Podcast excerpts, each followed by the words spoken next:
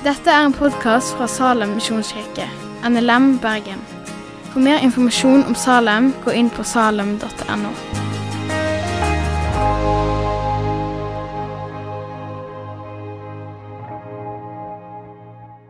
Hei!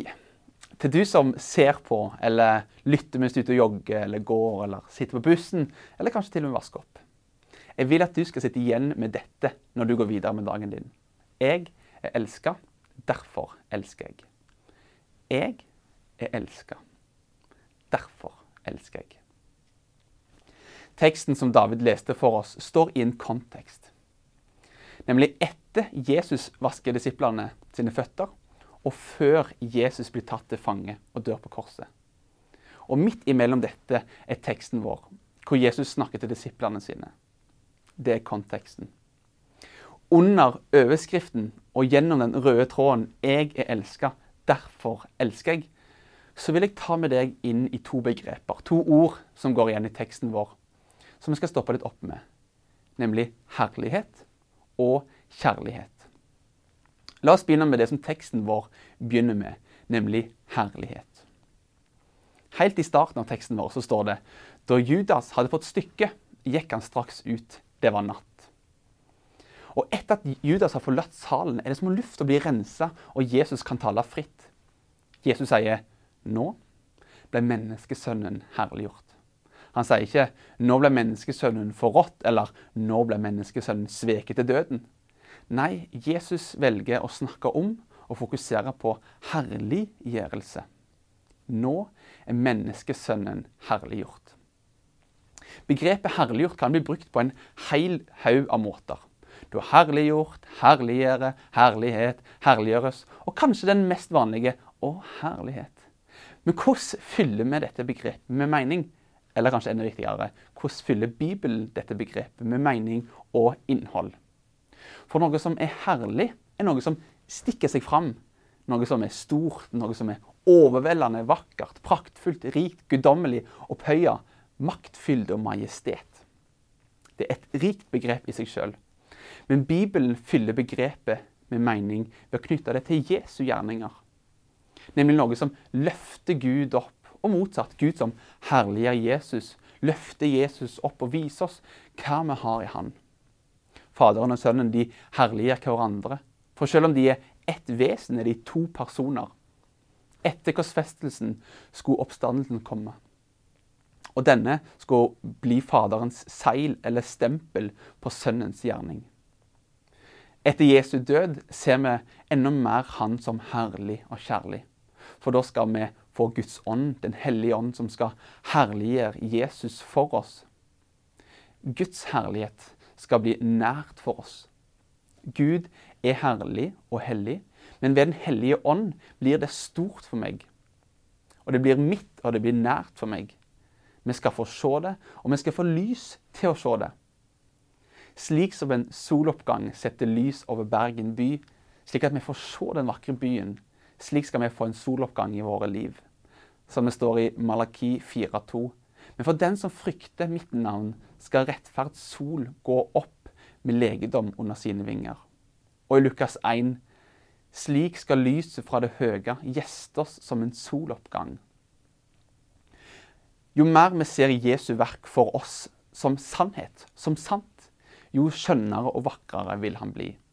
Jo mer vi ser det falske og stygge rundt oss i verden, eller i vårt eget hjerte, jo skjønnere og jo mer herlig blir han. Han vil skinne som et lys i mørket, som en soloppgang som fjerner tåker som ligger over livet. Det er herlighet. Nå har vi brukt litt tid på herlighet. La oss gjøre som teksten og gå litt videre. Bruke litt mer tid på kjærlighet, eller det å elske. For det nye budet som Jesus kommer med, var egentlig ikke et nytt bud.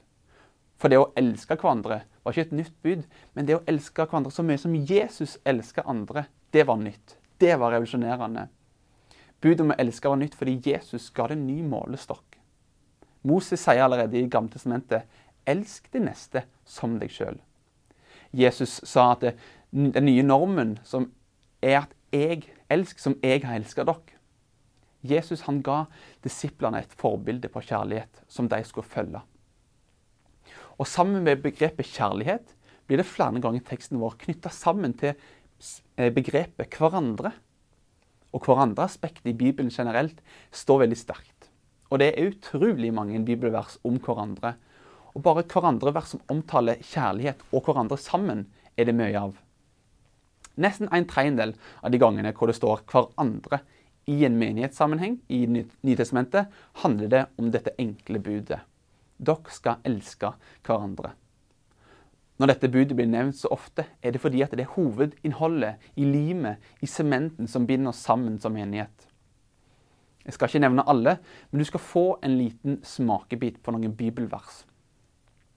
Ha omsorg for hverandre. Elsk hverandre inderlig som søsken. Ta derfor imot hverandre slik Kristus har tatt imot dere. Helsk hverandre med et hellig kyss. Men tjen hverandre i kjærlighet. Bær over med hverandre i kjærlighet. Elske hverandre slik som Han bød oss. Tjen hverandre i kjærlighet. Vask hverandres føtter. Ha omtanke for hverandre, så dere oppgløder hverandre til kjærlighet og gode gjerninger. Jesus sier dere skal elske hverandre som et bud. Dere skal elske hverandre. Det ser ikke ut som Jesus tør å overlate kjærligheten mellom oss til å være noe som spontant vokser fram. Ikke misforstå meg, kjærlighet mellom oss vil vokse fram som en frykt av at vi lever nær til Jesus. Samtidig legger Jesus det innover oss som en befaling. Dere skal elske hverandre. Vi skal elske hverandre ikke fordi vi syns spesielt godt om hverandre, men fordi Jesus befaler det. Han flytter betoningen av å elske hverandre fra følelse til vilje. Dere skal ha kjærlighetens holdning til hverandre. Vi er søsken, så skal vi òg elske hverandre. Jesus sier noe helt fantastisk om kjærligheten oss imellom. For konsekvensen av at vi elsker hverandre, er at vi blir avslørt som Jesu disipler. Ved dette skal alle forstå at dere er mine disipler, at dere har kjærlighet til hverandre. Hindukvinner har en rød flekk i pannen, ortodokse jøder har krøller ved ørene, sikher går med turban, muslimer kneler mot Mekka når de ber. Folk kan plassere dem i en religion for disse kjennetegnene. Det som kjennetegner kristne, er at de elsker hverandre. Ikke-troende kjenner Jesu disipler ikke på læren, ikke på dramatiske mirakler, heller ikke på kjærligheten. De kjenner Jesu disipler på kjærligheten de viser til hverandre. Vi skal ikke elske hverandre for å oppnå frelse. For på tross av vår mangel på kjærlighet har Kristus frelst oss og, og bor i våre hjerter ved troa. Ut av det nære forholdet til Han vil Han la kjærligheten vokse fram i våre liv. Vi lærer av Han når vi er nær Han. Bli meg, sier Jesus, så blir jeg i dere. Hos Jesus blir jeg det jeg skal være. Det skal synes. Kanskje ikke alltid, men det skal synes i livet mitt at jeg følger Jesus. Jesus var og er et levende eksempel på Guds kjærlighet. Slik som vi skal være levende eksempler på Jesu kjærlighet. Jeg er elska. Derfor elsker jeg. Forbindelsen, forbindelsen, mellom Jesus og våre liv med hverandre den er dobbel. Jesus han er både forbilde for våre, våre liv, og så er han kraften til det. Forbildet er han ved at han sjøl var og er fullkommen i hvordan han møtte mennesker. Og vi skal etterligne han.